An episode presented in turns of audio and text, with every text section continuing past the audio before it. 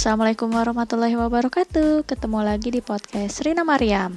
Sebelum masuk ke langkah keenam, kita bahas dulu ya yang langkah kelima. Jadi yang kemarin itu adalah kenali saat anak mulai penasaran tentang seks. Nah ini ya ada tahap-tahapannya. Jadi sebaiknya diberitahukan kepada anak karena faktanya menurut penelitian juga bahwa remaja yang mengetahui pengetahuan yang cukup mengenai seks lebih dapat mengontrol keinginan mereka untuk melakukan tindakan seksual. Kita lanjut ke langkah keenam, judulnya adalah ketahui aturan mainnya.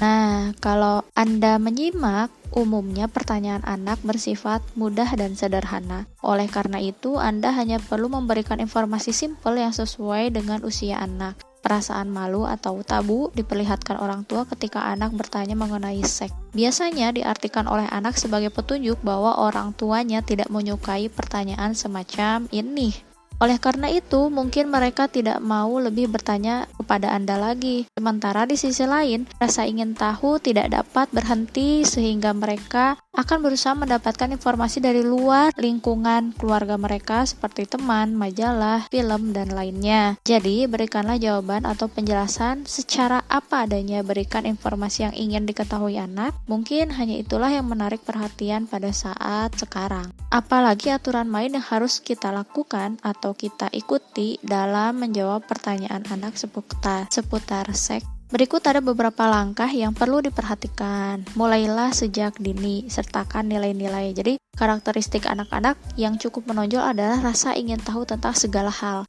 termasuk permasalahan yang sulit walaupun usianya masih dini dan belum siap mengetahui segala aspek permasalahan yang kompleks. Kabar baiknya, penelitian menunjukkan bahwa ketika anak kecil menginginkan informasi, saran, dan acuan, mereka akan memintanya terlebih dahulu kepada orang tuanya. Oleh karena itu, Anda memiliki kesempatan berharga untuk berbicara tentang topik seks kepada anak lebih dahulu sebelum orang lain dapat membingungkan anak dengan informasi yang tidak benar atau menjelaskan yang miskin dalam nilai-nilai yang ingin Anda tanamkan. Anda perlu mengambil keuntungan dari jendela kesempatan yang terbuka ini dengan berbicara kepada mereka sejak dini.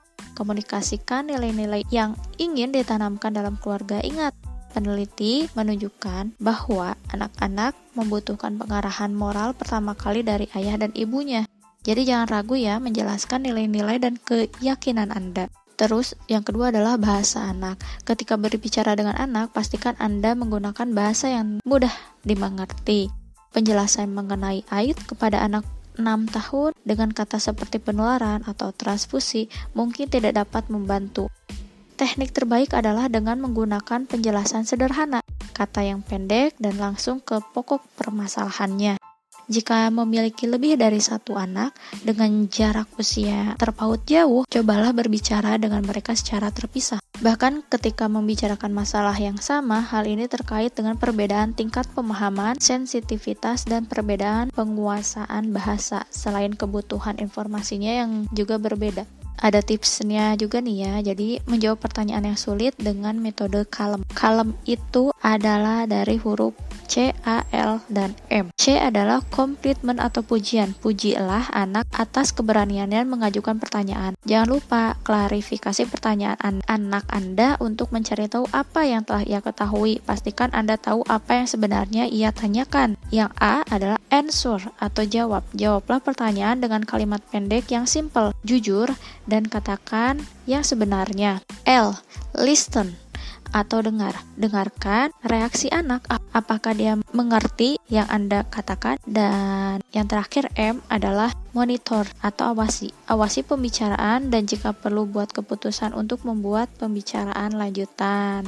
Yang ketiga adalah ciptakan suasana terbuka. Anak kecil menginginkan orang tuanya menjadi teman diskusi mereka, terutama ketika dia merasa bahwa Anda akan selalu terbuka menjawab semua pertanyaan yang mereka ajukan adalah yang menentukan tercipta atau tidaknya suasana terbuka seperti itu. Ketika anak dapat menanyakan suatu atau semua pertanyaan yang bebas tanpa takut akan konsekuensinya. Terus, bagaimana Anda dapat menciptakan suasana seperti itu? lakukan, lakukanlah dengan mendorong, mendukung, dan menunjukkan sikap positif terhadap anak. Sebagai contoh, ketika anak bertanya, "Mengapa Dede anak perempuan beda dengan kakak Rino, kakak laki-laki?"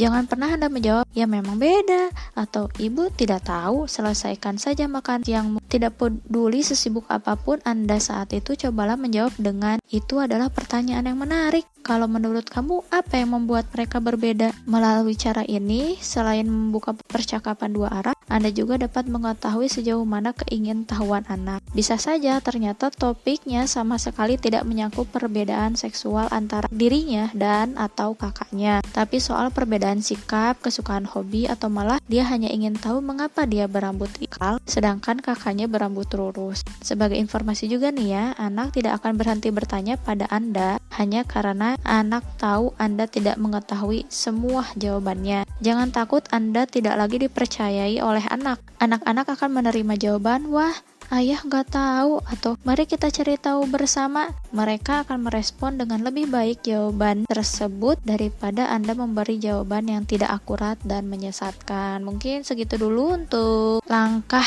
keenam ini ya dari judulnya ketahui aturan mainnya. Jadi yang pertama tadi adalah mulailah sejak dini sertakan nilai-nilainya. Yang kedua adalah bahasa anak-anak dan ketiga ciptakan suasana terbuka. Oke, terima kasih sudah mendengarkan. Wassalamualaikum warahmatullahi wabarakatuh.